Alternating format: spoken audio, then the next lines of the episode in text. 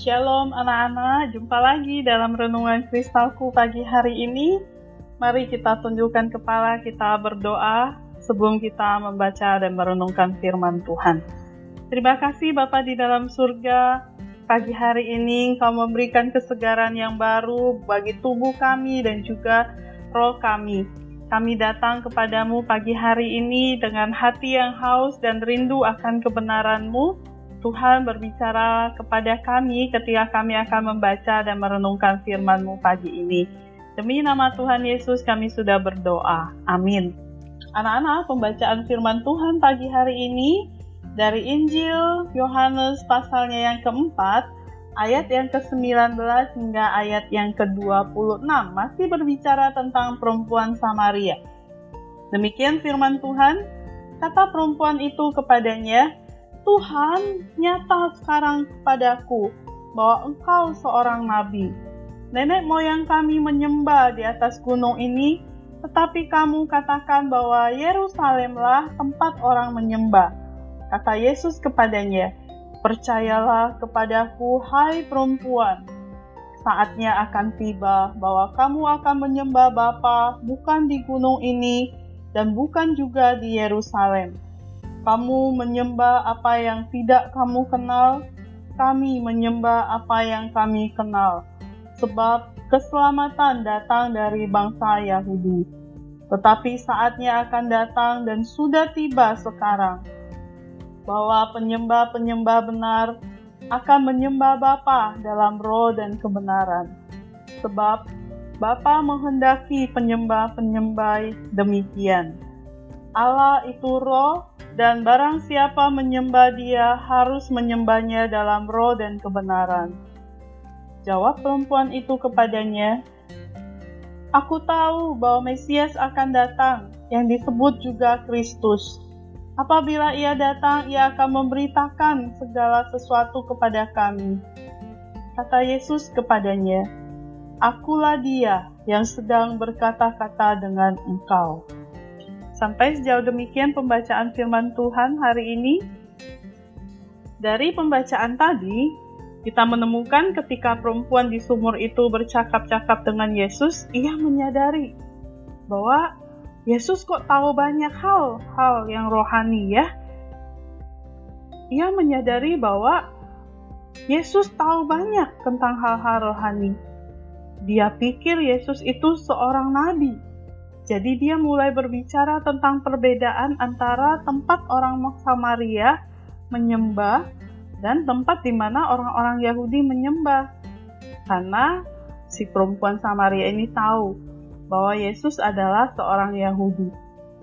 Tetapi Yesus berkata, "Aku akan datang waktunya di mana tempat ibadah tidak akan lagi menjadi penting, karena Allah adalah Roh, dan orang-orang yang menyembah Dia harus menyembah dalam roh dan kebenaran." Wanita itu berkata, "Aku tahu bahwa Mesias akan datang." Dan ketika dia datang, Mesias akan menjelaskan semuanya kepada kami. Yesus menjawab, Akulah dia, akulah Mesias itu.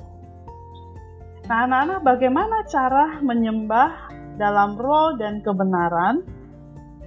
Bisakah orang yang tidak percaya pada Tuhan Yesus pergi ke gereja, menyanyikan lagu pujian, memberi persembahan dan berdoa? Tentu ya, kita bisa mengatakan bisa.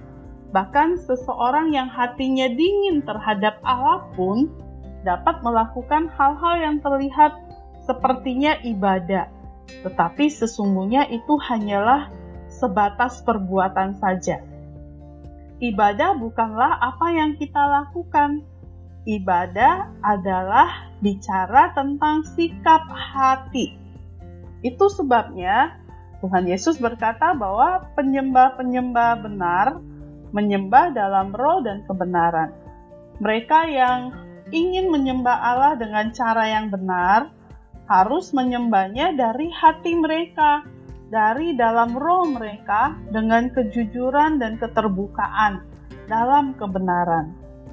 Ibadah yang benar berasal dari kasih dan dengan sikap menghormati Allah. Alkitab mengatakan, "Kasihilah Tuhan Alamu dengan segenap hatimu, dengan segenap jiwamu, dan dengan segenap akal budimu." Dengan kata lain, kita harus mengasihi Tuhan dengan seluruh bagian hidup kita.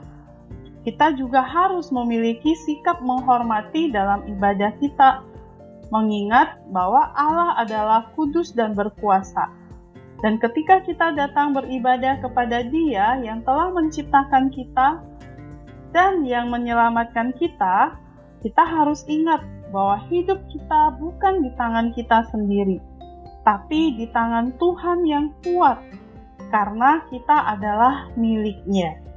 Nah, anak-anak, hari ini kita belajar menyembah Allah dalam roh dan kebenaran, berarti kita datang kepada Tuhan dengan sikap hati yang benar di hadapannya. Ketika pagi ini kamu ikut devosi, apakah kamu datang dengan sikap hati yang benar di hadapan Tuhan atau sekedar takut diomelin sama mama papa sama bapak ibu guru karena jam 8 memang kamu harus ada di depan laptop tetapi waktu mendengarkan firman Tuhan atau memuji Tuhan hati kamu tidak senang, kamu terpaksa melakukannya. Itu bukan ibadah yang menyembah Allah di dalam roh dan kebenaran. Kiranya kita bisa memiliki sikap yang baik ya dan benar dalam menyembah Dia. Mari kita berdoa.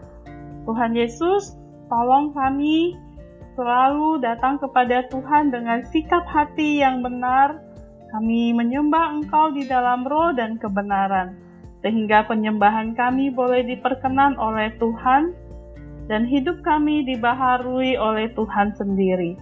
Kami boleh diberkati dan menjadi berkat bagi orang lain. Terima kasih Tuhan Yesus, sertailah kami sepanjang hari ini. Demi namamu kami sudah berdoa. Amin. Firman Tuhan hari ini dari Mazmur 29 ayat 2 untuk kita renungkan dan hafalkan. Berilah kepada Tuhan kemuliaan namanya, sujudlah kepada Tuhan dengan berhiaskan kekudusan. Amin. Bersama Yesus, aku bisa.